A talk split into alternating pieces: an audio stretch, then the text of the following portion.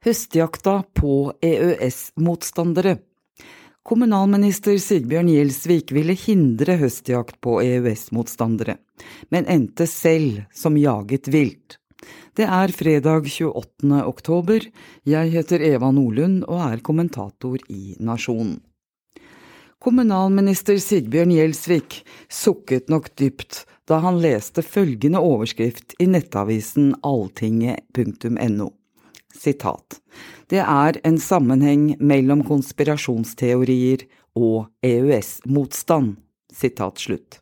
Den uhemmede mistenkeliggjøringa er i gang. Statsråden klarte ikke å hindre høstjakta på EØS-motstandere, fordi han begikk en tabbe.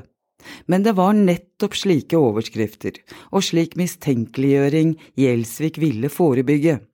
Med ansvar for valgene i Norge er han også demokratiminister, og han så faren for grums i det norske demokratiet da han leste rapporten Scenarier for uønsket påvirkning i forbindelse med norsk valg, utarbeidet av forskere ved Forsvarets forskningsinstitutt, FFI.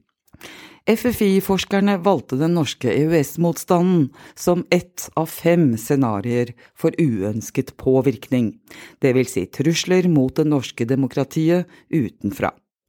Scenarioene er ifølge forskerne tenkte mulige situasjoner som Norge kan havne i. Selve premisset for EØS-scenarioet presenteres slik i FFI-rapporten på side 31, sitat. En fremmedstatlig aktør har som mål å isolere Norge fra det europeiske fellesskapet. En utmelding fra EØS-avtalen vil være et betydelig skritt i den retningen. Som strategi velger aktøren å forsterke proteksjonistiske og nasjonalistiske holdninger. Sitat slutt. EØS-motstandere i LO, Nei til EU, SV, Senterpartiet og Rødt eksempel, har ingen ønsker om å ta et betydelig skritt i retning av å isolere Norge i Europa eller i verden. Dermed er det gode grunner til å protestere mot den såkalte virkeligheten som FFI tar utgangspunkt i. Den er grovt fortegnet. Det minner om politisk agitasjon. Det er dessuten både urimelig og uklokt å bruke formuleringer som forsterke proteksjonistiske og nasjonalistiske holdninger. Slike merkelapper kan åpenbart bidra til feilaktige oppfatninger om at den norske systemkritikken av EØS innebærer proteksjonistiske og nasjonalistiske holdninger, som altså skal være egna for illegitim påvirkning utenfra. Det gjør ikke saken bedre at vi vanligvis forbinder slike merkelapper med høyreekstreme. Forskningsrapporter skal ikke knebles i et demokrati. Punktum.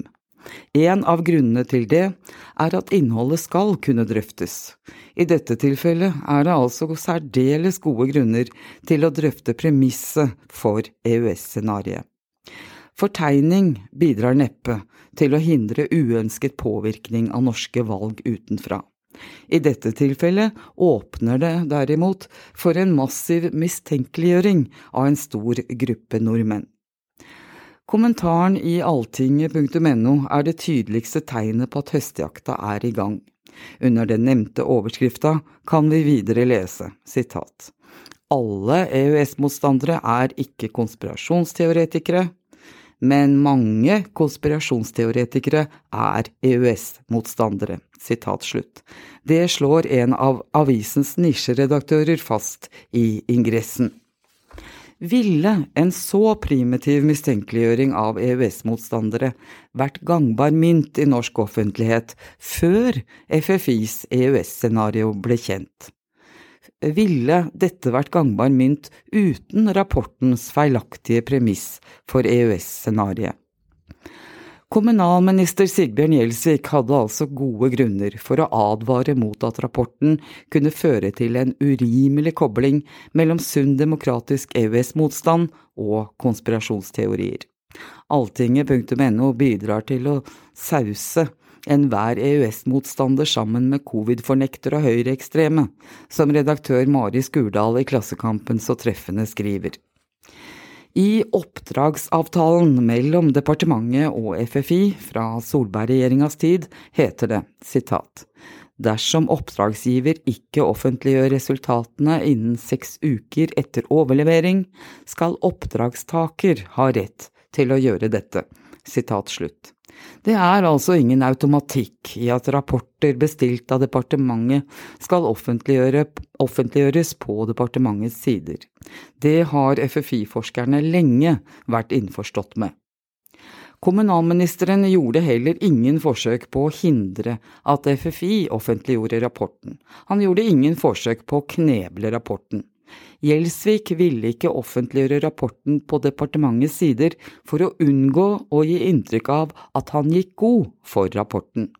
Det var i tråd med kontrakten, men likevel en tabbe.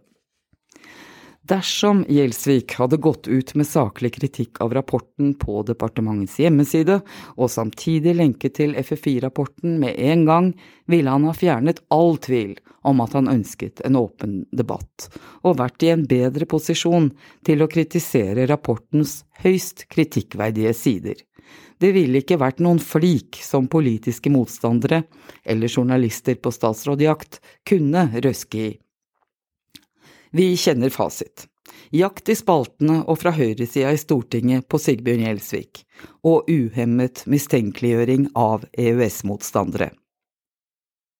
Men det var ikke Sigbjørn Gjelsvik som startet høstjakta på EØS-motstandere. Det var det Norge ut av EØS-scenarioet i FFI-rapporten som gjorde.